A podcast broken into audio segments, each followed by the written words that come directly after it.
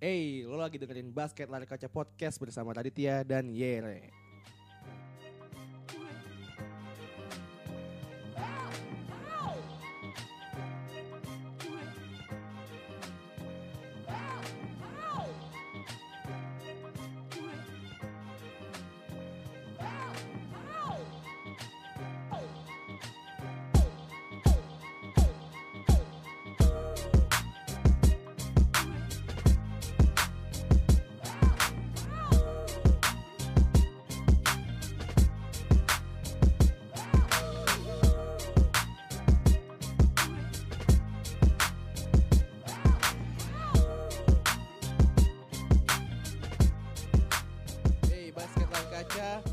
Episode 27 nih anjing jarang banget Eh, bukan jarang banget nih. Gua di sini sekarang sama orang-orang yang istilah baru-baru karena Woi eh, 26 woi 26 woi. Oh 26, 26. Bukan bukannya 2 27 26 sih? 26 26 coy. ya. Jadi gue di sini dengan orang yang baru-baru karena Yere eh, sedang tidak bisa ikut. Jadi gue perkenalkan aja Dimas Akmal yang sekarang udah jadi reguler nih. Ya terima kasih udah direkrut ya. Iya, lu lu eh, lu sekarang kita lagi press conference dulu dong. Gimana gimana perasaan lu gimana? Ya terima kasih ya. Berapa championship? Berapa championship? Uh, not one. Oke, Not two. siap siap siap. Jadi gimana gimana perasaan lu? Ya Masuk gue seneng lah udah gak infal lagi. Gue udah gak uh, laki-laki pa- panggilan lagi lah. Oke, Jadi gue iya. udah ya semoga ini bisa maju dengan lancar lah Benar, podcast benar, ini ya. benar. Semoga juga membuka jalan ke eh, opportunity yang lebih luas. Betul Iya sekali kan? itu intinya. Siapa tahu The Starter butuh orang baru gitu. Oh iya, itu jauh sekali ya. TV. Atau sekali. Lagi nyari eh, orang-orang Indo gitu kan Oh untuk iya. memperluas podcast dia. Tapi satu lagi ada satu lagi ah, ada orang baru juga nih Dim yang nggak pernah sama sekali nyentuh basket lari kaca atau nyentuh studio studionya. Iya betul. Padahal udah sering banget gua tis, ayolah ikutlah ikut gitu. Tapi kayak udah jarang banget nih. Kenalin dulu dong nama lu kenalan siapa dulu ya? dong namanya siapa dong? Halo semuanya. Waduh, pelan bener nih kayak orang Jawa. Ya, emang orang Jawa. Jawa, iya, Betul iya, iya, begitu, iya. Bray. Kenalin. Oke, semuanya. Hello everybody. Eh, lo panggilannya apa nih buat air kaca? Basket, air Nggak- kaca ada, panggilannya? ada panggilannya. Iya. Teman-teman guys, apa-apa gitu? Apa Enggak ada. Gue makanya kalau misalkan buat buat description suka aneh Hmm. gitu kayak dear friends gitu. kayak bikin email. gitu sih. Kalau sobat kayak orang tua banget. Halo Iya, sobat. Iya, benar. Halo guys. Halo kayak youtuber kan. Iya. Apa ah, ini ah, tim, ah, tim itu. Nggak, nggak, nggak nggak Ups, salah ya. Pendengar aja. Eh, Pendengar, iya. pendengar layar kaca yang baik. Asik. Oh fans layar kaca. Oh, fans layar kaca iya, masuk kali ya. Masuk. Karena Gitu. alasan gue bikin basket layar kaca, gue gak main basket. Gue nggak jago-jago banget main basket. Gue main Iya. basket. Tapi ya. Oh, hobinya sadar diri lah ya berarti. Komen mulu. Iya, lah, tapi sadar diri lah ya. Gue nggak Iya. jago-jago banget sih. Kata orang tuh kayak, ya udah lu cuma fans layar kaca aja. Iya gue juga, gue nontonnya malah bola sering kan. Gue mainnya main bola. Iya, Iya, nonton aja udah NBA basket. itu menarik cuy. Menarik Menarik, emang. iya. Olahraga Amerika nih emang kenapa tak seksi banget ya olahraga Amerika banget. ya. Seksi apanya nih kalau boleh tahu? Seksi permainannya Oh. dan juga gosip-gosipnya. Oke, Iya. gitu. Jadi kenalin dulu dong nama lu siapa oh, Di? iya. Nama gue Andika Moana Veterio. Iya. Waduh. Panjang banget ya. NPM-nya berapa? NPM satu yang Apa Experience apa work experience? work experience-nya kemarin. Nggak usah. Lu jelasin aja tim lu apa ya, sama mm, pemain paling baik di tim lu. Pemain paling baik di tim, Tim, lu dulu, gue. tim lu dulu. Oh nama gue dulu panggilannya Dika. Dika, yes. Tim welcome, welcome gua- to basket lari kaca Dika. Oke, thank you Radit. Siap, siap, siap. tim gue kebetulan sekarang ada di peringkat terbawah dari NBA standing, Oke. the New York Knicks. Oh, siap. My best team, eh my best player on my team barusan di trade pak. Jadi Siap. gimana pak ya? Jadi paling bagus kan Dennis Paling Smith bagus Junior. sekarang Dennis Pitt Junior atau mungkin gue bisa bilang di Andre Jordan sih. Oh, iya, tapi gue nggak tahu itu bisa dibilang bagus apa enggak. Benar, benar, benar. Tapi seenggaknya kalau misalkan lo terbawah di ranking bawah, eh, di play standings ya lo paling tinggi di draftnya. Harapannya sih begitu. Harapannya Tapi kan sekarang empat empat terbawah kan itu apa Sa- sama semua. Iya. tiga terbawah pak, tiga terbawah pak. Apa ya? Suns Iya, ya? itu dah. Suns. Suns, Suns, eh, Cleveland. Cleveland sama New York Cleveland, iya. Knicks. Iya, gitu. Atlanta udah gak bisa Atlanta. Iya, tentang habis. Satu lagi oh, Suns, Bulls, Knicks. Bulls. Bulls. Iya. Enggak, enggak, kan udah dua. Eh, Kan udah dua apaan? tim di East Eastnya dua, Westnya dua. Ah, lu. Ya, itulah pokoknya ya. itulah ya, Itulah ya, pokoknya. daripada mikir so- lamaan. So, so, so kita nggak pernah kita nggak pernah bahas tim bawah cuy. Iya, tim siap. bawah. Asia. Kita nggak di hunter di sini. Iya. with the Kayak first kalau pick. kalau enggak kalau misalkan NBA bandwagon bahasanya. Bandwagon, bandwagon, ya kan? benar. Tapi satu hal yang pasti di kejadian basket eh, minggu-minggu kemarin adalah eh, kita telah kehilangan dua sosok legenda basket nih di musim ini dan gak bakal main lagi di musim depan. Oh iya sih. Akhirnya Dirk Nowitzki ini dia dia ngomong juga kalau dia bakal pensiun gitu. Setelah sekian lama ya. Setelah sekian lama, pertanyaannya apakah ini pressure dari orang-orang kayak anjing gue udah di godok-godok pensiun, padahal gue belum ngomong apa, apa gimana? Menurut, menurut lo analisis lo gimana dik sebagai orang baru di sini? Gue nih ya, Iya. yang jelas Udah kayak orang B aja. orang baru banget nih ya. Kita tatar dulu. Iya, gimana boleh, boleh, boleh, boleh. Boleh. Dirk Nowitzki. Yang jelas kalau gue denger nama itu, yang jelas terlintas di otak gue adalah loyalitas. Loyalitas. Dia cuma bela satu tim. Dari dia di draft sampai sekarang dia pensiun cuma di Dallas, Dallas Maverick.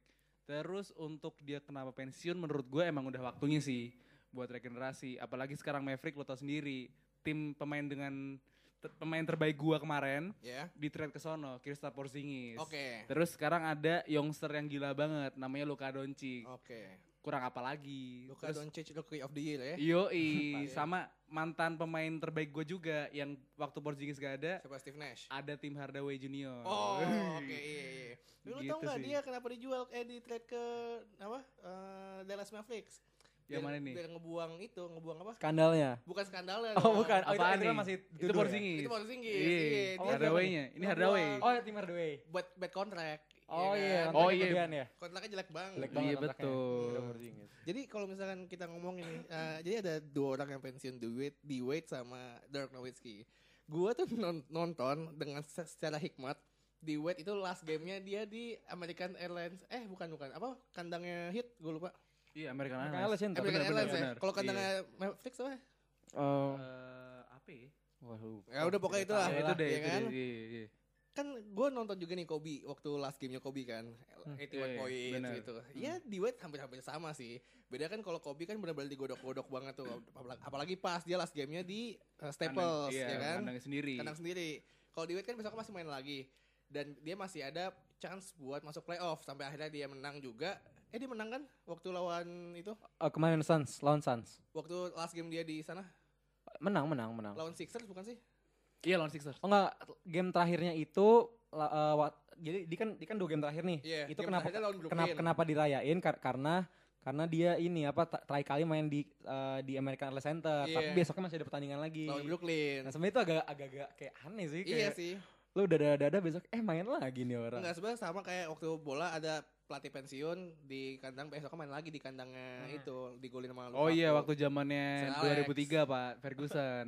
Begitu perayaannya waktu 2013. Iya 2013. 2013 waktu ya itulah. Kan basket Pak, jangan Iya. panjangin bolanya. Tapi abis itu abis eh, dia pensiun di interview sama orang-orang kan. Sebenarnya Udonis Haslem juga pensiun tuh. C- Cuman cuman Eropa Eropa apa ya auranya tuh nggak se di kan nggak segede di.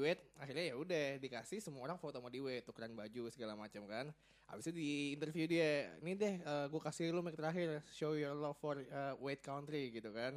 Eh dia so eh udah gue gue cuma bisa tahu eh, hal yang gue lakuin the best gitu, yang di This Is My City gitu, yang Ah, interview. iya sih. Habis itu dia naik loncat ke table bisa tuh, cuman pendek. Akhirnya dia turun lagi loncat lagi terus kepleset cuy. Untungnya ya dia bisa bisa play it nice gitu kayak oh shit this is irony, let's try this again gitu. Iya, nggak Itu- malu-malu kenceng. Itu kalau stand up komedian namanya backslide tuh. Dia dia dia bermain di jokesnya sendiri kar- karena nggak lucu kan. Oh, Jadi iya, lucu iya, dia kayak iya, oh iya. iya eh, eh gue jatuh nih gue malu gue ngapain ya. Oke oke oke. Intinya Untungnya. nutupin masa eh, malunya dia, Hmm. dibikin joke sama dia. At least Iya. dia ada Shaq full terakhir lah ya. Iya, Ada konten. Terus juga eh, ngomongin Wade sama Dirk Nowitzki nih kira-kira eh, kalau menurut gue ya, gue tuh eh, agak samar-samar ingatan gue tentang 2003 du- sampai ya istilah sampai hit juara lah. Cuman memori yang gue inget dari Wade adalah waktu dia ngedang di Farad Jau karena gue nonton itu di Jak TV inget banget. Lo tau kan yang ngedang dia fast break terus eh, nge-poster ke Farad Jau sampai Farad Jau mental gitu kan. Terus dia nge-step over Farad Jau sama yang terakhir Dirk Nowitzki gue inget banget waktu NBA 2K Dirk Nowitzki ini triponya gila banget sih kayak Steph Curry sekarang nih Hmm. gue lupa NBA Live NBA Live atau NBA 2K gitu lo sendiri ada punya apa kenangan tersendiri nggak tentang D-Wade sama Dirk Nowitzki Kalau Wade sih, eh gue dulu ngelihatnya tuh Wade tuh kayak apa ya, kayak nih pemain tuh lincah banget ya. Maksudnya zaman-zaman dia kan di draft nih, waktu di draft ya tentu gue belum tahu lah ya, karena gue waktu masih kecil juga pas dia di draft. Tapi 2005 itu kan 2005 sebenarnya gue juga belum ngikutin pas itu kan, tapi kan gue ngeliat-liat highlightsnya ya. Terus gue kayak di situ dia kan ada tam- 2005 juara, terus di situ ada Shaq juga kan. Tapi itu di situ dia dengan umurnya segitu di mana Shaq udah udah lumayan tua. Tapi sebenarnya Shaq kan belum lewat masa prime kan? Iya, masih- Ma- ma- masih masih ma- masih lah. masih masih bagus sebenarnya. Walaupun emang gak sebagus waktu waktu di Lakers. Tapi tuh dia tuh sebagai dia dia, dia tuh bisa gitu jadi leader leader di tim itu dan dia ngebawa timnya. Gue nggak bilang bawa timnya mungkin ada bantuan dari Shaq gitu loh ada Iya. poinnya itu. Tapi eh, dia dia dia nunjukin lah kalau ini emang timnya dia? Dan untungnya juga Shaq kan saat itu juga dia bilang eh, ini bukan tim gue ini ini timnya D Wade gue bakal ngelakuin apa ya buat nge- buat ngebantu D Wade gitu Iya. Soalnya ya kalau misalkan last possessionnya itu, gue inget banget si D Wade yang megang bola kan. lempar bola ke atas Lempar bola bola ke atas iya. iya. Kalau misalkan Shaq itu bola pegang Shaq walaupun rebound-reboundnya mantap, tapi ya uh, itu benar-benar nge-show posisi lu sebagai leader sih menurut gua. Iya. Senengnya gitu loh. Soalnya mungkin Shaq-nya juga udah seneng banget kali dia di Lakers terus di, ditendang sama Kobe pindah ke Heat gitu kan. Abis itu kan like, si Shaq-nya udah kagak ada apa-apanya lagi. Di itu pindah ke Cleveland, pindah ke Suns, Sampai Celtic juga. Celtic, ya Dia kan? pensiun di Celtic kan. pensiun Celtics. Lu ada ada memori sini gak buat di Wade sama Kalau di Wade? Wade sendiri jujur ya gue baru ngikutin basket tuh tahun 2014. Hmm. Jadi gue itu kan zaman zamannya udah big three kan ya. Chris Bosh, LeBron James sama di Wade sendiri. iya. Memorable moment gue tuh signaturenya dunk sih. Iya. Jadi uh, di Wade alley oop sama di dunk sama LeBron. Nah Oke. yang memorable banget buat gue waktu lawan kalau nggak salah Bucks. Bucks. Jadi yang waktu itu di Wade udah alley oop, cuman dia belum tahu nih itu dunknya udah berhasil atau belum. Iya. Cuman dia udah selebrasi. Oke. Oh yang ada fotonya itu ya, yang ada ikonik fotonya. itu. foto ikonik gitu Foto kan. ikonik. Iya, itu ikonik banget sih menurut gua. Dan Iya. kemarin waktu All Star terakhir berhasil diulangin lagi sama Iya. dua orang itu. Emang keren banget sih itu. Cuman orang. waktu itu di Wade-nya ngeliat kan. Nara- narasinya kayak oh gue liat di Instagram nih orang waktu muda di Wade nggak lihat karena dia bakal tahu setiap hari bakal gitu terus sekarang di Wade ngeliat karena dia tahu ini bakal yang terakhir kali Iya Ya, betul, iya, itu iya, memorable iya, banget iya. sih. Tapi emang pasangan dua itu emang menurut gua belum ada gantinya sih untuk sampai sekarang ya. Iya. Walaupun udah ada Curry sama Durant, terus ada Paul George, Paul George sama Westbrook. Westbrook. Menurut gua belum ada gantinya sih di Iya. Wade sama James. Nggak ada si J. McCallum sama Damian Lillard nggak ada damn time damn time enggak. Enggak, Enggak. Kurang enggak. sih kata gue. Ben Simmons Joel Embiid enggak Ben Simmons Joel Embiid. enggak, itu Beda, mah. itu mah big man semua itu pak. Big man semua. Even Kyrie sama LeBron pun menurut gue kurang sih pak. Nanti kita bisa bahas Ben Simmons nanti ya. Iya. Nanti ada sesinya dia kan masuk Iya. playoff soalnya. oh iya betul. Terus eh soalnya kalau lu ngomongin di Wade ya yang ikonik banyak sih Eurostep dia, fadeaway dia. iya benar. Soalnya dia ha, eh, punya banyak banget skill set, move set yang ang- agak mirip-mirip sama Kobe Bryant sebenarnya. Iya. Cuman kalau misalkan lu ngomongin Dirk Nowitzki, orang-orang bilang tuh dia stretch four pertama di NBA kayak Setuju unicorn dia. Gua setuju, kan? gua iya setuju, benar, setuju. Karena orang dia kan orang di atas 68 yang paling banyak nge-shoot three kan kalau nggak salah. Iya untuk sekarang iya. Iya, karena ah, udah, udah gitu dia punya skill set macam fadeaway, kakinya apa? Iya, fadeaway dia juga signature sih sebenarnya Iya kan? dari Nowitzki sendiri. Soalnya kayak ini gue megang kentang agak dimakan makan. Iya tadi tadi pegang kentang terus kagak mau dimakan makan. iya gue lupa. Waktu itu ya pernah siaran ambil makan. Gue bilang anjing orang makan ambil makan ngunyah ngomong. Jadi ASMR ya. Gak punya manner nih dia nih. Jadi gitu ya. Iya, tapi ba- balik lagi ke topik tadi nih. Kalau menurut lo Dirk Nowitzki uh, how he evolves the game? Eh, ini ya, ini mungkin agak eh, sama kayak poin gue minggu lalu tentang European. Dimakan juga tuh kentangnya. Gue bisa makan. Makan juga. tentang European big man ya itu biasanya eh, apa ya skill setnya tuh emang kalau European big man tuh emang udah identik itu biasanya bisa bi- bisa nge-shoot kan Hmm. bisa nge-shoot eh, tapi biasanya tuh meter meternya doang terus Iya. mereka juga nggak ada tuh jarang tuh yang fadeaway fadeaway gitu dan ada kan kemarin waktu lagi retirement itu kan ada eh, cerita cerita lucunya Charles Charles Barkley kan tentang tentang eh, di uh, Nowitzki yang dia bilang waktu tahun 90 berapa? 96 kalau nggak salah. Jadi eh, satu tim USA ini pergi ke Jerman terus ngelawan Dirk Nowitzki. Terus waktu si Charles Barkley jag- jagain Dirk Nowitzki kan? Jagain Yeah. Dirk Nowitzki. First half Dirk Nowitzki udah punya 26 poin. Akhirnya eh, dia finish dengan 42 terus habis kayak Charles Barkley kayak ngomong udah lu masuk Auburn aja karena itu itu kampus gua kan. Terus Iya. katanya Dirk Nowitzki ah enggak gue pengen masuk army aja kayaknya Oh, Wah, iya. iya. Dia kan pertama, pertama kali masuk cepak-cepak gitu iya, kan. cepak cepak. makanya maksud gue dari bentukannya lu ada gak sih yang nyangka gitu ya, ini orang tinggi, badannya juga juga nggak ada nggak ada serem-seremnya gitu loh. Hmm. Itu, itu itu dia bisa merevolusi merevolusiin dia segitunya gitu loh. Kalau kata anak-anak SD gedong lah istilah badannya gedong. Iya iya iya. Itu tuh dia yang apa ya? Dia tuh eh kayak Kevin Durant juga bilang kan dia itu pertama kali dia ngeliat Dirk Nowitzki mungkin dia juga ngeliat badannya dia, dia kayak mikir oh ini ini adalah contoh pemain yang gue pengen pengen I want to grow up to be like Dirk Nowitzki gitu loh karena skill setnya menurut gue juga sebenarnya dibilang lengkap juga enggak sih defense juga biasa aja tapi menurut gue offense tuh bener-bener dia ngebuat sesuatu yang beda sih. Iya. Mungkin kalau zaman dulu si Dirk Nowitzki udah bisa kayak limitless range kayak Curry sekarang, shoot dari mana aja bisa ya. Mungkin dia adalah sa- akan jadi pemain yang beda dari yang kita tahu sekarang. Iya, apalagi kalau dia prime prime waktu zaman zaman sekarang kan waktu semua itu udah udah based on three point kan semua Iya. shooting shootingnya. Mungkin kita nggak bakal pernah lagi tuh lihat mid range dia fadeaway jumper pakai pakai ke atas gitu-gitu kan. Hmm. Kalau menurut lu gimana Dik tentang Dirk Nowitzki? Dirk Nowitzki menurut gue sih dia kalau dibilang beringas kayak LeBron yang suka ngedang-ngedang itu enggak. Iya. Tapi dia lebih kalem sih menurut gue. Dia tuh lebih kayak eh, tipikalnya apa ya? Kalau gampangannya sih mungkin tim Duncan cuman yang lebih luas. Iya. Kalau tim Duncan kan emang bener-bener di pen, eh, pen area doang. Iya. Kalau dia kan lebih bisa shooting dari jarak jauh juga bisa, dia fadeaway juga. Ya nggak usah ditanya lah ya gimana.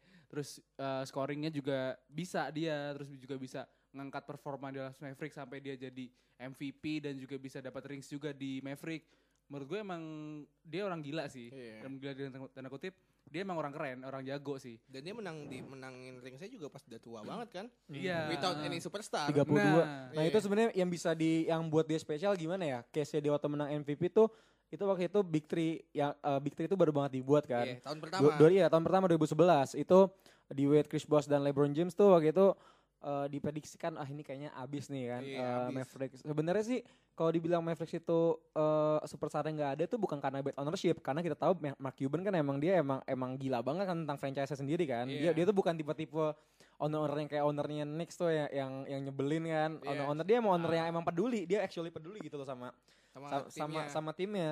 Tapi kalau misalnya lo lihat nih dari dulu dia tuh gak pernah gitu loh main sama superstar gitu loh. Oke dulu pernah main sama Steve Nash tapi cuma dua tahun, dua musim lah paling. Terus dia akhirnya waktu menang championship juga eh paling siapa? Kom Komplementari paling siapa? Jason Kidd. Ya Jason Kidd juga udah aging kan, Sama udah aging banget. Terry, Jason Terry. Jason Terry, Jason Terry six man. Oke, terus apa Iya. Sean Marion. Sean Sean Marion sama Tyson Chandler kan. Siapa tuh Sean Marion? Iya, maksud gue sebelumnya uh, oke Tyson Chandler bagus gitu kan. Iya. Pas di uh, Mavericks bagus, tapi kan sebelum itu kan dia dia tuh cuman di limit di cuman di defense doang kan. Dia Iya. nggak bukan yang uh, offense-nya gimana-gimana. Itu sebenarnya yang disayangkan oleh Dirk Nowitzki sebenarnya kalau Tyson dari Chandler penya- penyelamatnya Lakers musim ini loh.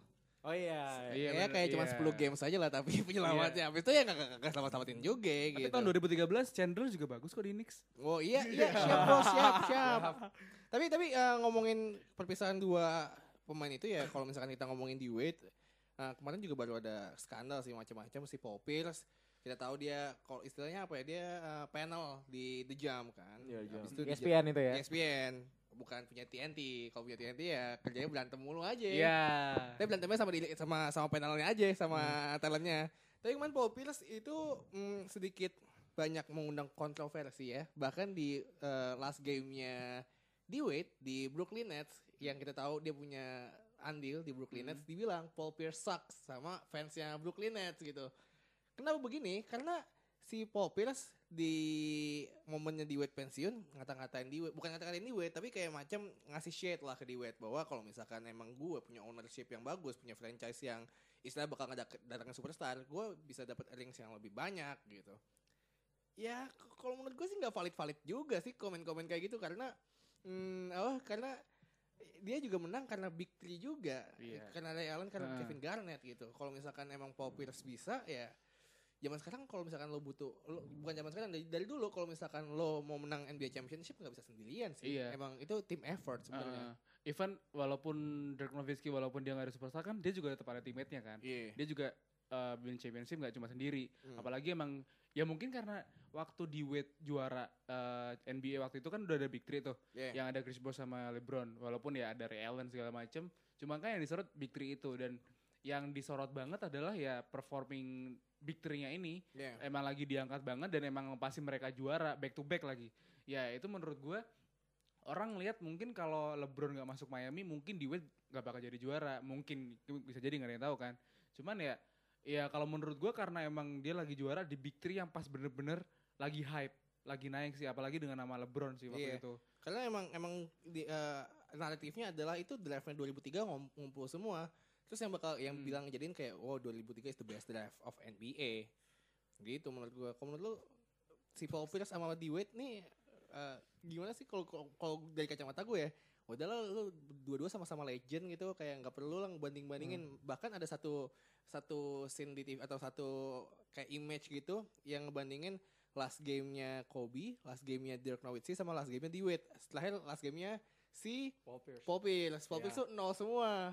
Iya. Uh, main cuma 2 menit ya kan. Hmm. Oh, iya. Itu itu tuh jahat sih. Lu nggak penting-penting banget kayak gitu Kalau sebenarnya. kalau gue sih komennya tentang kejadiannya di Wade sama si Paul Pierce ya, menurut gue orang mungkin lupa ya kalau misalkan Paul Pierce itu ngomong di The Jam itu buat dibayar. Iya. Pertama pertama itu ya. Iya. Sama kayak kalau kalau lu nggak suka sama Skip Bayless, lu nggak suka sama si Stephen A. Smith atau bahkan lu nggak suka sama eh Colin Cowherd gitu misalkan, ya di mereka tuh di mereka tuh dibayar buat ngomong. Iya. Nah itu eh, sebenarnya itu kan eh Paul Pierce itu sebenarnya bukan bukan kalau gue ngerti bukan bukan bukan dia ngatain di tanpa konteks. Tapi di situ kan lagi momennya eh si si Rachel Nicholson kayak lagi nanya nih eh, pem- antara pemain A sama B lebih jago mana? Dan dan si Shannon Sharp kalau Shannon Sharp itu ya? Shannon Sharp sama si eh bukan Shannon Sharp Jalen Rose Jalen Iya. Rose dia kayak sama Pierce kayak jawab ah jagoan ini jagoan ini sampai pertanyaannya adalah Dewey dan Pierce. Dua di dan Pierce. Sekarang kalau misalnya lu ditanya nih soal, lu misalnya lu ditanya gitu sama sama orang, lu lebih, lebih bagus lu apa dia? Lu Ya, bagus ya pasti lu, ya pasti gitu. ya, apa? Lebih bagus Radit apa Yere gitu. Iya, Iya, ya misalnya oke bisa, bisa, bisa, bisa, gitu. bisa. Misalnya lu Iya, tanya dit, lebih bagus lebih bagus lu lu apa ya, Re? Itu, lah. Ya pasti kan lu ngomong, ya bagusan gue lah karena karena kan lu ngomongin diri lu sendiri. Sama Iya. kayak ini ini konteksnya bola ya.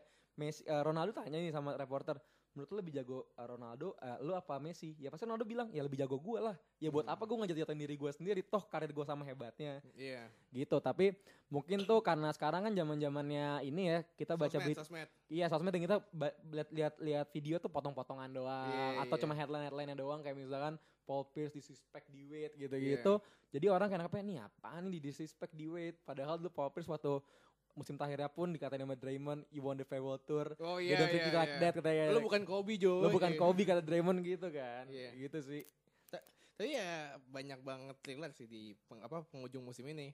Gue tuh uh, ada satu lagi yang ada dua sih maksud gue. Yang pertama adalah Charlotte yang ngebalap hit akhirnya kalah head to head sama Pistons. Eh kalah head to head apa enggak ya? Enggak ya. Kalah itu kalah records. Hmm. Kalau head to head menang harusnya soalnya kan si Charlotte tuh 4-0 lawan Detroit dia. Nah, sama lagi si Magic Johnson dia turun da- jadi presiden of basketball. Jadi menurut gue Lakers nih lagi kacrut banget nih Jo. Kayak nge- lu ngedra lu nge nge-sign LeBron ngebuang si Magic juga kan digodok-godoknya lu udah ngebuang di Angelo Russell segala macam akhirnya dia turun juga karena mungkin pusing sama rekornya Lakers sekarang nih teks gua dari dari ini adalah gua nggak ngerti gimana ya kalau misalkan emang dia kalau gua ngomong sama Yere atau ngomong sama siapa pun ya sebenarnya targetnya Lakers bakal datengin satu free agent kan tapi Iya. ya Hmm.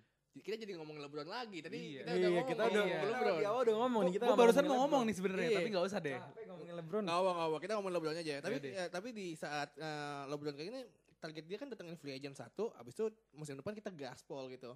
Tapi ya yang udah kejadian, Paul George nggak jadi masuk ke LeBron, eh ke LA, Kawhi nggak jadi masuk ke LA, Iya. Anthony Davis nggak mau masuk ke, bukan nggak mau, nggak bisa masuk ke LA, walaupun dia udah pakai kaosnya That's All Folks ya, kaosnya gue ya. Iya iya. Menur- Menurut menurut gue Lakers nih in a very bad position sih, apalagi masuk ke eh, besok next seasonnya LeBron di Lakers. Hmm. Tapi- Kalau misalkan kita kemarin kan jadi si Magic Johnson tuh kan di appoint 2017 bulan Februari kan. Iya. Di situ eh waktu itu Lonzo lagi ini lagi high five-nya kan eh, dan bapaknya juga udah bilang kalau misalkan dia itu bakal oke gimana pun caranya aku bakal ke Lakers dan itu mungkin kan ngedrive si si Magic juga dan Magic juga ngeliat nih kayak pemain kayak emang gaya, gaya mainnya mirip sama gue nih unselfish dan dan IQ basketballnya bagus lah. Tapi kalau misalkan eh, gimana ya sebenarnya Magic ini mundur dari mundur dari Lakers ini for good aja sih menurut gue karena kalau lihat nih move-move yang dia bikin tuh mm, yang bagus tuh apa sih paling oke datengin LeBron terus apa dia ngedraft Kusma misalkan Iya. Iya, gua tapi menurut gue selain itu nggak ada lagi menurut gue karena dia lu bayangin nih dia oke lah waktu itu di Angelo Russell kita juga nggak nyangka dong kalau dia bakal bounce back kayak gini kan karena juga gue dulu nggak ngeliat lah dia kayak gimana ceilingnya lah Dia sebenarnya dulu bagus juga, cuman yang, yang, mungkin- yang menurut gua dia dibuang di Lakers adalah dia selek sama Nick Young. Oh ya yang Oh, itu iya. itu kanak-kanakan banget. Ih, Iya. parah kanak-kanakan banget itu. Selek sama Nick Young. Terus lokernya tuh gak ada yang mau temenan sama di, sama An- D'Angelo. Waktu itu dia pernah nge-hit game winner gak ada yang selebrasi sama dia. Hmm. Dia selebrasi sendiri aja. Menurut gua gitu sih. Lanjutin aja gitu. Nah iya, tadi eh dia akhirnya kan si Magic akhirnya get rid of eh, si si D'Angelo Russell, habis- tapi dia juga ngebuang eh, Jordan Cla- Jordan Clarkson, Julius Randle sama si Larry Nance. Jr. yang di mana itu menurut gua itu ini pemain tuh akhirnya tuh di tim masing-masing tuh bowling out aja gitu jago semua pada Iya. akhirnya. Dan juga yang paling yang paling tragisnya sih dia dia tuh fail buat ngesign Paul George sebenarnya. Iya itu benar-benar.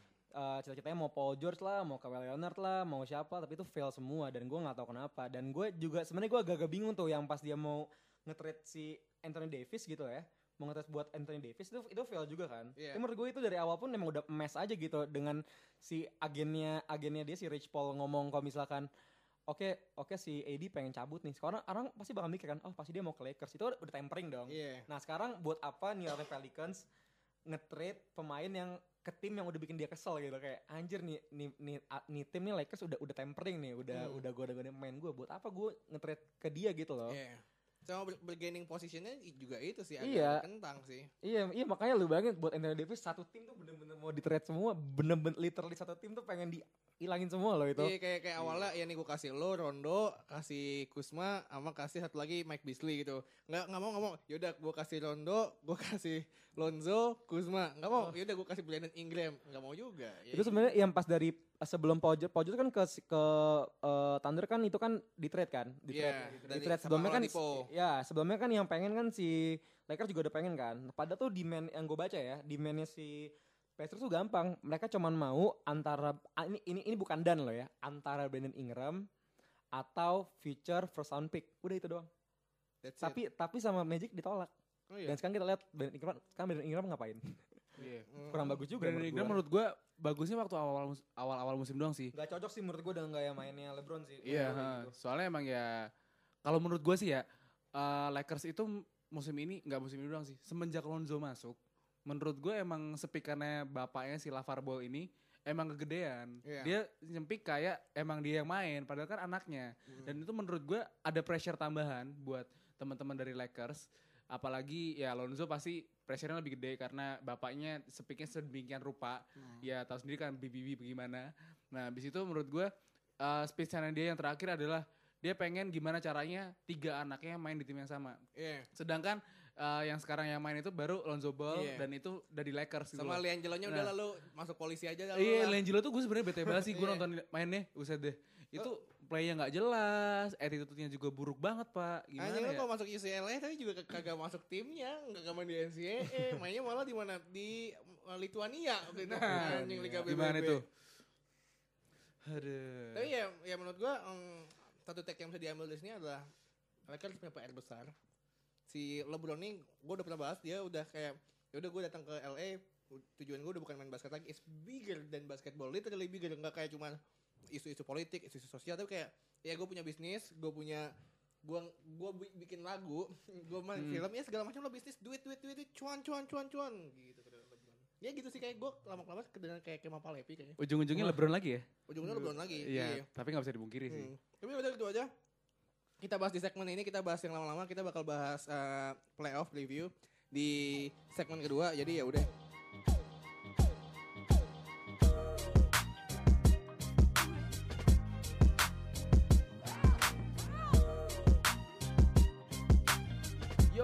Lagi di segmen kedua dari Basket Layar Kaca episode ke 26. 26. 26. Jadi kita balik lagi. Waduh, bau apa? Bunyi-bunyi electricity itu barusan. Iya nih. Iya, ada yang setrum nih kayak barusan nih. Astro mulu nih saya bibir gue kena mic terus. Iya. Jadi eh, kita bakal ngebahas NBA playoffs karena emang sekarang regular season udah, udah kelar dan tapi playoff baru mulai tanggal 13 which means itu hari Minggu ya. Besok Ah, dong. besok. Oh enggak kok iya ya eh ya minggu minggu pagi. Minggu pagi kan. Ini 12, di 13 sih besok sih. Tapi Enggak. di Indo Minggu kan besok. Di Iya. Amerika minggu Minggu bener. pagi. Jadi eh, yang main gue belum lihat tapi eh, setnya udah keluar. East sama West. Kita bahas dari West dari East dulu aja kali ya. Ini udah fix nih berarti ini ya. Udah fix. udah Udah fix itu semuanya. mainnya. Enggak, eh, kita konsensus aja. Lu pengen bahas East dulu apa West dulu? Kalau gua is dulu kali ya. Dulu ya. Yang agak. Yang dulu. lebih gampang kita analisis di. Iya, bener. Jadi di di first matchup ada first seed sama eight seed ada Orlando Magic. Eh, bukan apa ya? Eh, Detroit Pistons sama Milwaukee Bucks. Iya. Yes. Boston Milwaukee Bucks. Kita Oke. tahu dua-duanya ini punya coach baru, tapi yang satu lagi lumayan bagus, eh siapa? Mike Butt. Dengan anak-anaknya yang jadiin Milwaukee Bucks ini yang tadinya tim nggak bisa three point shooters, yang tim isinya wingspan semua, jadi tim yang punya three point shooter cuy. Sama satu lagi si siapa pelatihnya Dwayne Casey yang ngebawa si eh, Andre Drummond jadi turun-turun kasta lah. Maksudnya, maksudnya eh, tidak tinggi hati. Akhirnya bisa berjalan sesuai dengan kriteria tuh. Dia jalan sama Reggie Bullock, jalan sama Avery Bradley dan macam-macam nih. Black Griffin jangan lupa. Black Griffin. iya, siapa tuh Black Griffin? Eh, bekas-bekas Clipper. Jadi gimana gimana menurut lu hmm, matchup ini kita udah tahu lah pasti yang menang ini pasti Milwaukee Bucks yang menang sih. Iya, mau gimana ya? Hmm. Cuman tadi kalau nggak salah gue baca di berita itu adalah Giannis Antetokounmpo cedera cuy. Sampai eh, game pertama kalau nggak salah. Dan Black Griffin juga cedera kalau nggak salah. Iya, Black Nah, Oh iya, cedera Iya. juga Black Griffin. dia cedera kan. Nah, menurut gue ya tapi di mana? Bucks masih ada Cat Middleton. Masih ada ya masih bagus Chris lah. Middleton, Chris. Eh Chris Chris. Middleton. Cat Oh, wow, wow, wow. Chris, Cat Middleton. Chris Middleton. Ya, dia juga All Star juga kan. Iya. Terus abis itu ya Giannis menurut gua walaupun dia cedera pasti nggak lama. Apalagi dia lagi on fire banget kan badannya juga lagi jadi playnya juga lagi jadi. Ya begitulah. Menurut gue sih ya Bucks juga sih. Nggak usah panjang lebar. Apalagi di Detroit eh, Blake Griffin lagi cedera kan. Walaupun Drummond emang udah balik ke bagaimana play semestinya tapi menurut gue emang eh, face-nya di Detroit masih menurut gue kurang sih masih. Kan men- menurut gue gini sih, kayak gue nggak tahu Black Griffin bakal mana bakal kagak, cuman ya istilah gini, Drummond adalah satu, satu center tuh yang yang klasik, center klasik banget dah istilahnya. Tugas lo sekarang adalah menurut gue jagain pain aja, jagain pain aja karena karena ya si siapa nih Giannis ya udah mainnya di pain, orang-orang ke pain, eh shooternya luas, dapat opportunity bagus ya udah. Spacingnya bagus juga ya kan ada. Spacingnya bagus juga, lu punya Brook Lopez, punya Chris Middleton, Yes. punya siapa lagi tuh? Eh, Tony Snell. Tony Snell, Malcolm Brogdon. Malcolm Brogdon. Itu dia sih kalau misalkan emang si uh, Andre Drummond bertugas bagus sebagai rim protector, mestinya uh, Detroit Pistons bisa lah cari strategi gimana caranya supaya uh, shooter-shooter ini nggak bisa nembak dengan leluasa sih. Bunyi apaan nih? Waduh, ya udah.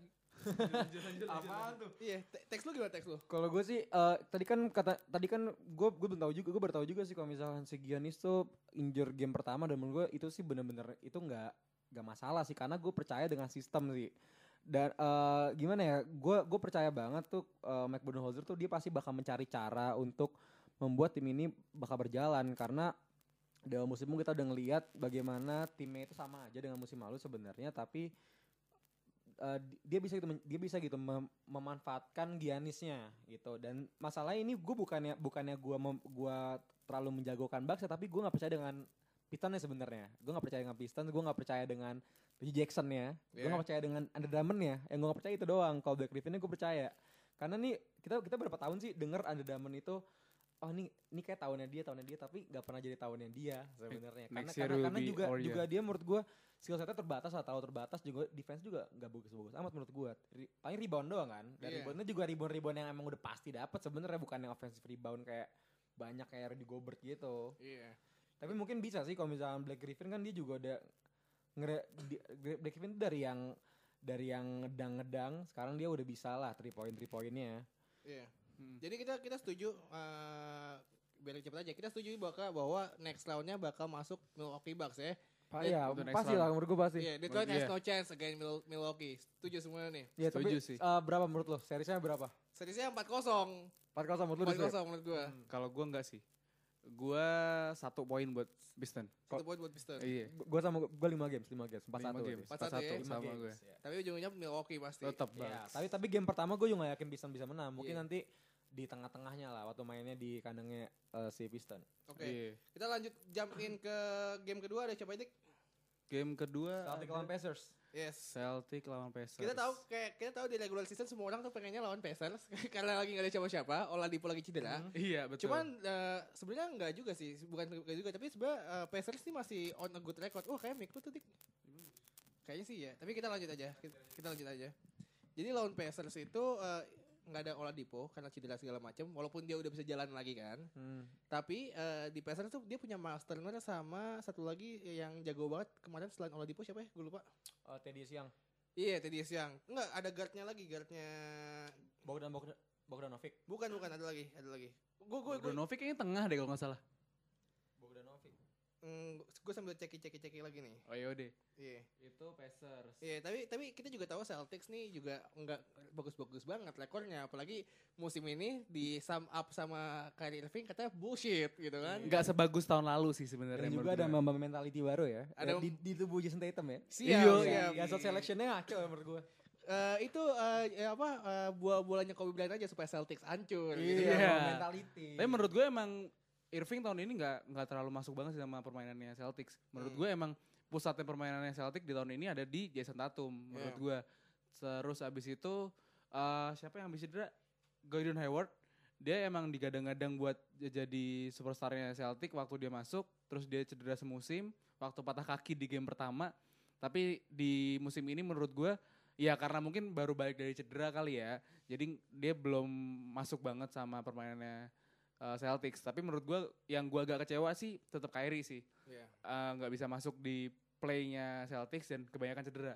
Jadi menurut gue buat Irving masuk ke Knicks aja lah ya. Tapi sebenarnya kalau misalkan lo lo lo lihat rekornya si Gordon Hayward, dia di 4 5 games ke belakang tuh mainnya on a good run loh Iya dia. bagus. 9 per 9 3 points. Abis All Star bagus kok. Setahu gue mainnya bagus. Beberapa kali dia dia pernah 30 poin lebih gitu. Ya kan? Walaupun kalau misalkan lu secara eye test dia kalau lagi megang bola lagi ngedrive kelihatannya kayak enteng banget cuy kayak kalau misalkan ditabrak sama istilahnya di- yang jagain dia siapa nih nanti Miles Turner gitu. Ketabrak juga bakal jadi kertas menurut gua. Tapi kayak di situ eh, kita juga punya Terry Rozier Terry Rozier. sa- yang Kyrie Irving bilang ya kita punya banyak pemain muda tapi mereka nggak ada yang tahu what it takes to be a- apa a champions gitu walaupun musim lalu eh, ini orang anak-anak ini seven games lawan Cleveland Cavaliers gitu Iya, kan seven games bener tapi kalau misalkan menurut gua, eh Pacers punya harapan ketika Celtics lagi nggak berjalan secara benar, gitu kan? Hmm. Makanya tergantung. dan itu sering terjadi. Dan itu sering terjadi. Makanya. Makanya ini uh, uh, pinter-pinternya Brad Stevens saja gimana caranya nge-survive walaupun ya sebenarnya Pacers nggak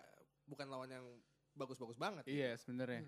Kalau gue, gue sih eh, Celtics nih walaupun boleh lah bilang apa pun ya tentang Celtics musim ini ancur-ancurnya, tapi gue tetap percaya Celtics itu adalah tim yang bakal masuk ke bakal masuk ke final final final timur. Siap. Karena gue percaya dengan Siap. sistem Brad Stevens, gue benar percaya Siap. banget gitu.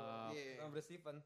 Dan, dan menurut gue Pacers doesn't stand a chance lah menurut gue lah. Itu ini bisa di sweep sih menurut gue. Walaupun emang musim ini mereka kan disfungsi ya dalam artian kayak eh Jason Tatumnya tidak seperti ekspektasi ekspektasi gitu loh. Karena Jason Tatum kan tahun lalu kan eh kita nggak ada nyangka juga dong kalau misalnya dia bakal sebagus itu dan tiba-tiba Yes. tahun ini dikasih tanggung jawab sebesar itu dan dia dan dia nggak nggak nggak bisa gitu loh dengan tanggung jawab itu Nah, terus terus juga ada eh, problem di masalah chemistry juga kan di Celtics, tapi gue tetap percaya sih kalau misalkan eh, nanti di di timur sih ya masuk sih si Celtics sih. Jadi di semifinal Bucks bakal kalah sama Celtics. Eh, iya, gue Oke oke. Wah, ki- kita omong ini di masa depan aja ya. Iya, oke, oke, pokoknya oke. kita eh, Oke. gimana prediksi lo dik Celtics Kalau menurut gue 4-2 sih. 4-2. 4-2 buat Celtics. Iya, menurut gua Menurut gua. 4-1 sih kalau ini. Pasti bakal ada breakout breakoutnya Indiana Pacers yang itu. Tapi gue nggak tahu sih ya, karena menurut gue Oladipo itu walaupun dia cedera, tipikal-tipikalnya di bola tuh kayak Ronaldo. Dia tuh untuk eh, naikin motivasi pemain dia bagus juga sih menurut gue. oke, Jadi ya 4-2 sih kata gue. siap. Kalau lu dim sweep. sweep, let's go, let's get it Sweep. gitu kan. 4-0 nih. Iya. Oke. Lanjut ada Brooklyn Nets sama 76ers. Ini gue pengen banget. Gue pengen banget Brooklyn Nets menang karena gue pengen banget nge, eh, istilah menang first round aja deh. Gue nggak yakin Brooklyn Nets bakal masuk final juga, final timur.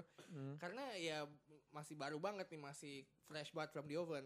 Tapi kalau misalkan Brooklyn Nets menang, itu ngebuktiin bahwa the process adalah satu proses yang fake gitu kan. Lu udah lu, lu udah lu udah masa-masa paling deket, lu datengin Jimmy Butler, lu, lu datengin Tobias Harris dan itu kalah.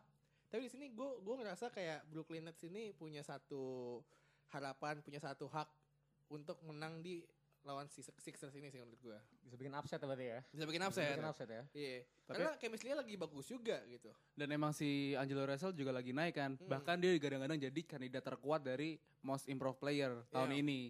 Tapi eh, kalau di sisi Sixersnya eh ya walaupun emang dia lagi nggak jalan ya, Butler nggak apa- nggak masuk-masuk banget. Tapi emang Embiid serem banget sih Pak di pen area sebenarnya. Hmm. Terus Simmons juga ya walaupun dia nggak bisa ngetri, cuman di pen area juga dia juga serem sih Pak. Iya. Cuman ya ya kalau menurut gua sih tetap Sixers kalau gue sih. Tapi Nih kalau gue ngeliatnya gini sih, dia gue gue sebenarnya gue percaya kalau Sixers bisa menang, tapi gue gue melihat ini ini series tuh pasti bakal apa ya, walaupun Sixers pemenang, kita bakal kayak oh menangnya kok kayak gini ya, mungkin kayak balik lagi yang minggu lalu gue bahas kayak Hawks yang tahun 2015 menang bener menang, menang lawan timnya di first round, uh, law- lawannya di first round, tapi menangnya tuh nggak yang apa ya, yang nggak yang oh Nggak yang wow gitu, yang greget. nih gitu. Kayak yang superior gitu Iya ya. nggak Iya. superior karena gue ngelihat juga ben, eh, tadi kan gue bilang Ben Simmons Ben Simmons tuh salah satu yang paling mengecewakan menurut gue di musim ini karena ya oke oke dia bagus nih kita tahu dia, dia bisa apa tapi di musim selanjutnya ya udah bener-bener gitu aja dan gue juga nggak bisa gue bener-bener nggak mengerti kenapa dia sekakak itu untuk nggak belajar nembak three gitu loh karena itu karena karena karena karena dia nggak bisa nembak three spacingnya bener-bener hancur gitu loh Iya, iya. beneran hancur spacingnya semuanya jadi jadi tuh jagainnya bener-bener di paint jadi misalnya kayak waktu LeBron nih LeBron jagain Simmons tuh bener-bener ya udah si LeBron di- nunggu di paint udah jadi kan spacingnya kan jadi hancur dong Iya. jadi Iya. jadi jadi sempit jadinya Hmm. Makanya dia datengin Tobias Harris sama Jimmy Butler. Iya ya kan? buat Sama. JJ Redick juga. Pertanyaan buat lo nih Dim, satu Dim. Kalau misalkan musim ini Ben Simmons mainnya buruk banget, jadi siapa yang cocok gantiin Ben Simmons di All Star harusnya? Karena kan dia masuk All Star nih musim Hmm. ini nih kan? musim ini Iya. Huh, ini berat sih Se- iya, eh, sebenarnya kalau kemarin si D'Angelo Russell itu nggak masuk All Star kan dia kan juga gantiin doang kan Oladipo. Eh, ya ganti Oladipo kan Yep. sebenarnya gue mungkin bakal jawab si D'Angelo Russell Hah, siapa ya karena mungkin di East To- juga Tobias Harris, Tobias Harris. No. Oh enggak, enggak. Tobias Harris West, lupa gua. Ya, Tobias Harris. Em, mungkin gua bakal si Pascal Siakam mungkin. Pascal Siakam. Pascal Siakam. Wah gila nih. Siakam. Hot nih, Bagus hot takes. Pascal Siakam. Siap, siap, Iya. siap. Tapi tapi prediksi gua karena gua orang yang lagi bias banget ke Brooklyn Nets sekarang, gua pengen lihat Brooklyn Nets kalau nggak menang nih, ya, kalau nggak menang ya udah nggak apa kalah asalkan 4-3. Ya. 4-3 ya. Gue pengen gue ngeliat satu potensi matchup seru nih di sini soalnya nih. Jadi 4-3 is a good number menurut gua. Lu gimana Dik? Gua 4-2 sih kalau 4-2 gue. 4-2 buat Sixers gua Sixers. kalau gua. Lu Dim? Gue 43 buat 4-3 juga ya. Sama kayak tadi yang menang tapi nggak superior-superior banget Iya, gitu. jadi, jadi tuh di, di selanjutnya bakal meragukan gitu loh, bener meragukan apa gitu lawan lawan selanjutnya kan menurut gua ya si si Toronto kan pasti kan. Iya, pasti banget ya. Pasti banget. Pasti banget ya. Iya, Toronto ternyata lawan Magic, Orlando Magic ya. Iya, lawan Iya. Magic. Ya, jadi ya, jadi kita apakah kita lewatin aja eh, Toronto lawan Orlando Magic karena karena gue juga percaya Toronto bakal menang Iya, lawan gua Magic sih. gua, gua gak melihat ada expector gitu dari Iya. dari Magic gitu. Lu lu lu nge-expect apa Jonathan Isaac nge 60 poin setiap Iya. game gitu? Terus lu berharap mau Bamba ngapain nyanyi lagunya gitu mau Bamba. Iya, ada Shaq West di samping. Dan juga lu berharap Kawhi Leonard gak ngapa-ngapain gitu. Iya, ya enggak, aduh, susah sih, Bro. Soal soal gini, soal gini, uh, ya udah kita bahas dikit aja. Walaupun Toronto Raptors ini lagi istilahnya juga lagi masa-masa kentang gitu ya, walaupun godok-godokannya awal kayak ya udah this is our season, Kawhi kita datengin Kawhi, datengin Nick Nurse segala macem. Tapi ya musim ini juga mengecewakan menurut gua. Menurut gua malah musim yang paling mengecewakan ya eh uh, tim yang paling mengecewa- mengecewakan musim ini ya uh, Toronto Raptors sebenarnya. Oh iya masa sih? Iya. Kenapa? Itu menurut lu tuh? menurut lu Menurut kenapa? gua karena ya eh, gini loh istilah lu punya walaupun kita tahu Kawhi Leonard segala macam tapi mengecewakannya menurut gua karena ini tim nggak progres progres juga Se- secara chemistry secara chemistry ya lu tuh punya punya pemain macam Kyle Lowry sama Kawhi Leonard gitu. Terus lu datengin siapa tuh kemarin pas sebelum JV dicabut? Eh, Mark Gasol. Ya kan? Maksudnya eh, at least lu kelihatan having fun lalu kelihatan enjoy the game enjoy basketball ketika lu main. Tapi ini enggak gitu. Kita ngeliat kayak Kawhi masih biasa-biasa aja. Eh, terus juga Serge Ibaka eh, emang emang bagus sih cara playnya. Dia winning record. Tapi gue nggak ngeliat eh, tim ini bakal sama musim depan. Gue nggak ngeliat Kawhi resign Oh berarti berarti berarti poin lo di sini bukan bukan karena mereka nggak bagus, tapi lo ngelihat ini tim kok kayak nggak ada fun-funnya. Iya, Iya. gua gua emang nggak setuju Iya. sih kan kayak kayak eh, minggu lalu gue bilang tuh kayak gua nggak gua nggak ngelihat ini Kawhi itu sebenarnya dia fun gak sih ada di tim ini? Apa mungkin kayak Lowry juga masih ada bad blood gitu loh kayak ini gara-gara lo temen gue cabut nih atau Hmm. mungkin kalau gue sih ngelihatnya mungkin eh, mereka nih secara chemistry mak- maksudnya gini chemistry on the on the court kan sama off the court beda dong kalau Oke. off the court mungkin yang kayak di Wayne Wade sama LeBron itu kan off the Iya. court on the court atau Nah. ya kayak Ibaka ngundang Kawhi ke acara YouTube-nya Ibaka gitu Iya kan. kayak gitu-gitu. Tapi eh kalau menurut gue ini eh, mungkin mungkin eh, ini adalah sebuah musim yang di mana oke kita kita talk about bisnis aja. Kita ngelihat kita kita bakal lihat sejauh mana kita sejauh sejauh mana kalau kita winning ya ini bisa lanjut kalau bisa kita nggak winning ya oke dibubarin aja sekalian gitu loh. Oke. Gitu. Si Kawhi juga nggak gue nggak ngelihat dia barisan sih apalagi nanti kan bakal ada over the Clippers lah dari dari Lakers lah ada Iya. overnya ya kan? Benar.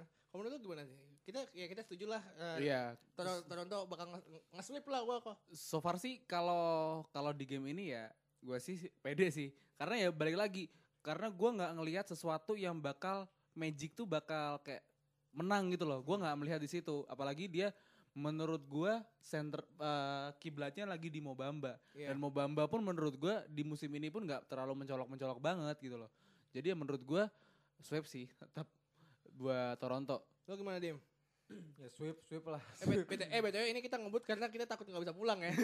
jadi jadi sorry banget, sorry banget kalau kelihatannya kayak ngeras gitu. Tapi kita santai. sebisa mungkin em, memberikan analisis terbaik. Daripada daripada Radika pulang mau yeah. nih. Bener. Nah, terus eh, kita masuk ke West nih. Enakan West kita dari bawah aja dulu ya. Bawah berarti eh, ini Denver ya? Nuggets lawan San Antonio Spurs. Dan- Denver Akhirnya kita ngerasa ini kan gue selalu bilang nih, Denver Nuggets adalah eh, tim yang bisa for seven games lawan Warriors nih ya.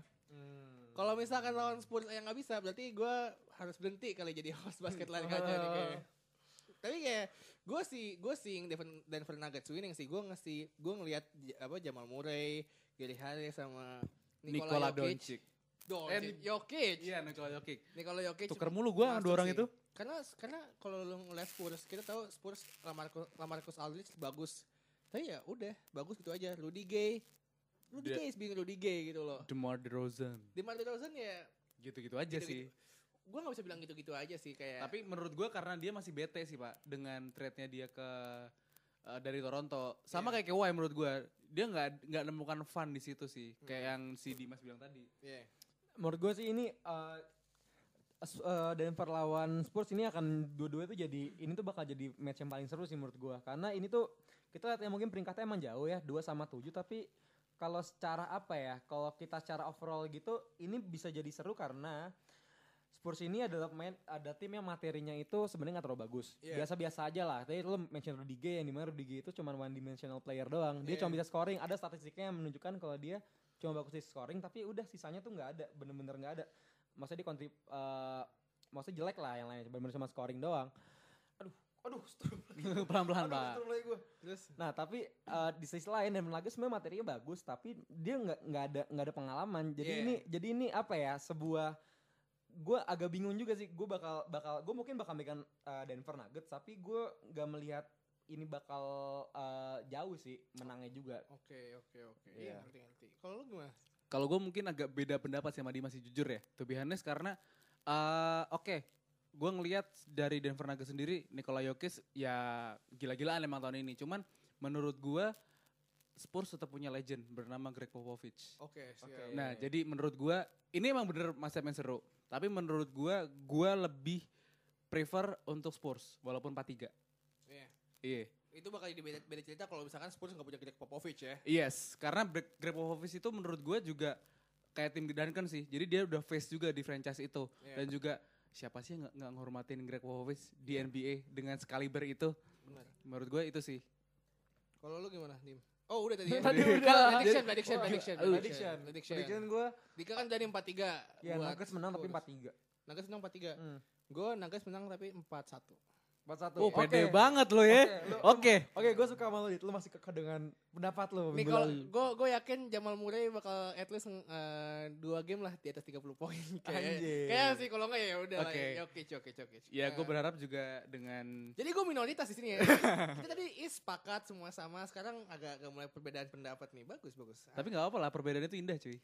Satu lagi ya nextnya ada Dame Dalla sama oke sih. Kita tahu Yusuf Nurkic cedera nih cuy. Kalau dia, dia lagi having uh, the best season of his career, cedera akhirnya. Dan gantinya siapa di situ? Ada Enes Kanter. Anas Kanter siap yang akhirnya nggak nggak uh, setelah gue mau masuk ke ranah politik tapi kayak kayak dia nggak bisa main karena nggak punya visa atau apa gitu gue lupa kan akhirnya dia di trade ke Portland main juga walaupun ada Miles Iya. Plumlee di situ kan Yes. Hmm. lawannya oke sih oke sih ini, ini kemarin habis ngalahin Houston Rockets nih di last gamenya apa oke sih sama Houston Tapi oke sih sekarang menurut gue lagi ganteng sih.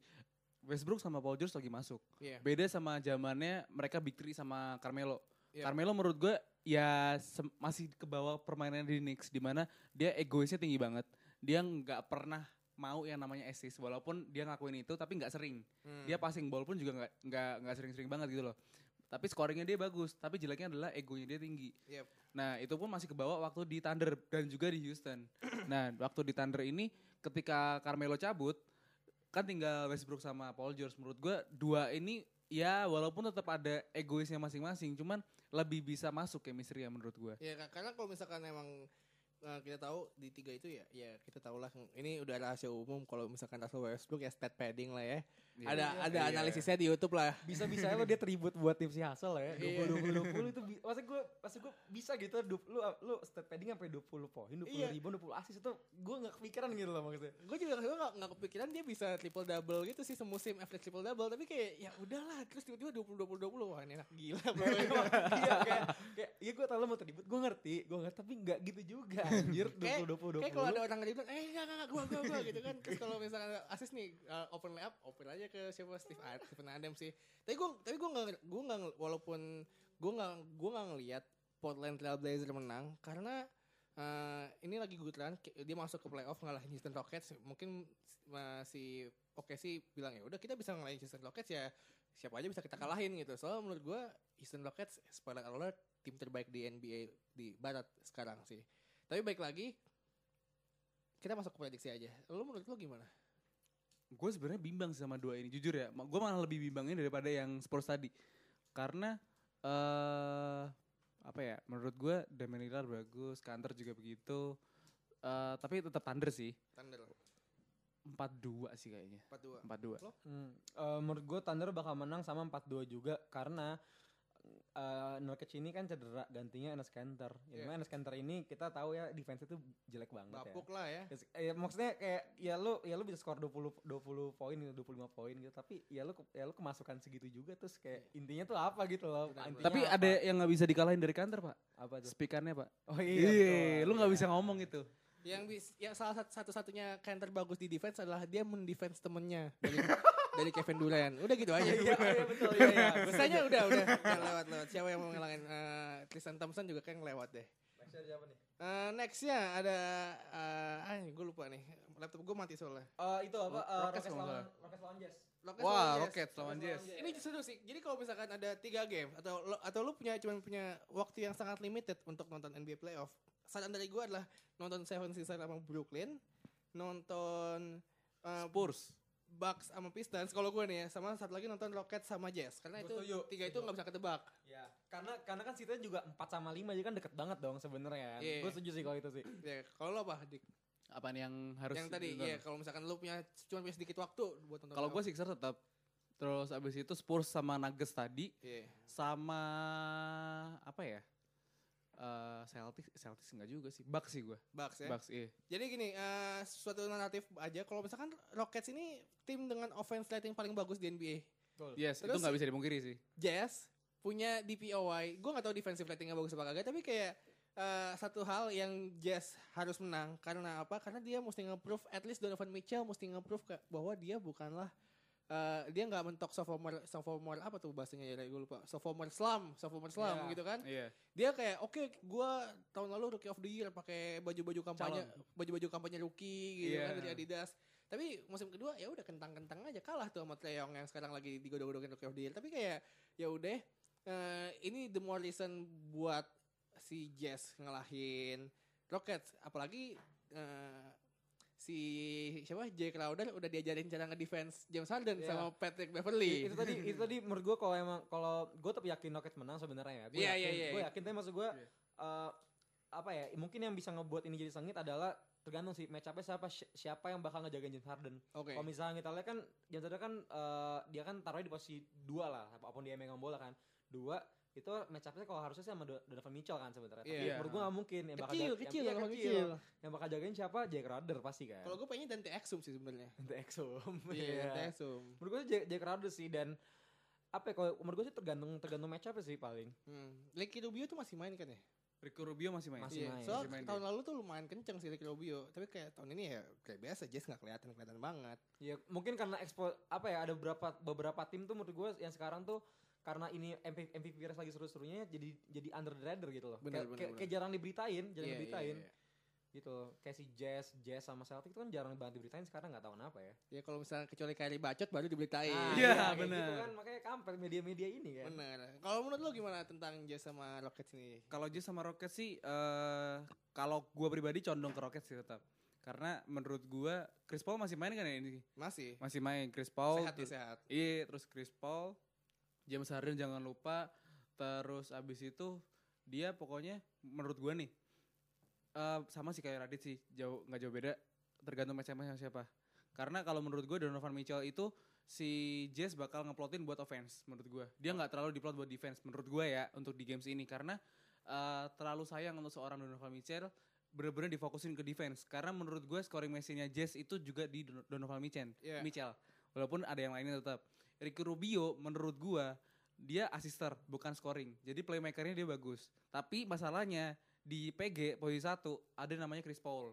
Hmm. Chris Paul juga playmaker yang ya lu nggak usah nanya lagi Chris Paul gimana ya. Iya. Itu pasti orang orang gila lah pasti. Kita lihat aja nih Chris Paul bakal bakal buat orang kepleset lagi apa kagak? Nah, itu Oh, dia iya. masalahnya. Ya kan? Dan menurut gua satu sama duanya Rockets yang menurut gue bikin serem sih. Iya. Ini kalau menurut gua Rockets sama Jazz bakal seru tapi ya 4-2 buat Rockets sih. Gua nggak ngeliat eh, Donovan Mitchell atau dan kawan-kawannya bakal nge-outscore James Harden segala Yes. macam. Walaupun emang mungkin ada beberapa saat mungkin dia bisa kali 27 kali 3 point gak masuk-masuk gitu kayak tahun lalu. Tapi ya Who knows? who knows. Ini Rockets Rockets has everything to lose karena Yes. se- segala macam pemberitaan dia. Gitu the more reason Rockets nggak Hmm. bisa kalah. Ya, lo gimana setuju gak? Setuju gak? Setuju gak? gue setuju setuju setuju, setuju. Rockets yang menang ya. Rockets pasti Rockets. Gua- maksudnya, maksudnya kayak gak mungkin lah. Dev Harden tuh bener-beneran lagi eksplosif banget. Menurut gue nggak mungkin dia dia dia let it slip gitu aja kayak bisa kalah lawan Jazz gitu kayak menurut gue nggak mungkin. Kalau bisa itu lebih buruk daripada itu basnya Cleveland Cavaliers kali ya yang ngedraft uh, nomor one pick siapa Anthony Bennett kali. Iya. Anthony Bennett. Ya, tapi nggak selebay itu juga sih. Dia ke mana sih ya sekarang ya? Oh, jilik dia sekarang mainnya. Oh iya, betul. Sama match up terakhir the Golden State lawan LA Clippers nih. Gue Ah, ini menarik nih. Golden menarik. State. Gue guys Oke. walaupun ya, walaupun kita tahu skill setnya Golden State segala macam, tapi kita tahu strivingnya LA Clippers gimana lah ya. Gak bisa di nggak bisa dipungkirin juga. Ini agak-agak menarik juga kenapa bisa LA Clippers masuk. Bahkan kalau misalkan lu lihat sebelum itu ya, LA Clippers pada posisi satu macam seminggu dua minggu cuy. Itu aneh banget menurut gue musim ini. Ditinggal Tobias Harris, ditinggal DeAndre Jordan segala macam gak punya siapa-siapa tapi masih bisa menang. Masih bisa masih bisa masuk playoff lah. Iya, apalagi sekarang kan sebenarnya di tahun ini dia kan nggak targetnya sebenarnya bukan playoff sebenarnya. Dia mau rebuilding kan sebenarnya. Hmm. Jatuhnya begitu. Cuman ya sistem sih mungkin ya, sistemnya Clippers lagi bagus. Cuman kalau dilihat matchup ini sebenarnya ya Golden State be Golden State. Iya. Lu nggak bisa mau berharap apa dari games ini. Gue sih gue uh, jujur ya, gue nggak melihat Clippers bakal menang banyak di sini. gue juga saat se percaya percaya gue sama Jerry West dalam ngerahan sebuah tim ya ya emang jauh banget sih di atas awan langit ketujuh kali ini. Eh, iya, masalahnya begitu. Ya sebenarnya ini tim kan dipretelin awalnya kan dipretelin karena eh, oke oke kita kayak mau tanking aja deh. Tapi kan ada beberapa pemain termasuk Patrick Beverly itu yang emang tough aja yang kayak gue nggak mau tahu pokoknya kita main buat menang. Gue nggak mau tanking Iya, pokoknya iya, gue iya. nggak mau tanking. Terus akhirnya di di seat ke di seat ke 8 Nah gue tuh ngelihatnya nih ini mode-mode timnya sama sih yang kayak grit and grind gitu loh yang kayak emang dia hustling yang kayak nggak ada pemain bintang sama sekali yang kayak bener-bener ngandelin defense dan dan hustling-hustlingnya ini bisa-bisa nih menjadi seperti tahun 94 ini yang ada upset. Itu Upset ya? di Kembe Mutombo dan kawan-kawan De- Denver Nuggets. Waktu itu sempat ada cuy. Jadi tahun 94 tuh uh, seat nomor 8. 8-nya tuh si Nuggets uh, main terbaiknya paling cuma di Kembe Mutombo lah ya. Lawannya Atlanta Hawks. Eh, Bukan, Atlanta Hawks. lawannya Sonic.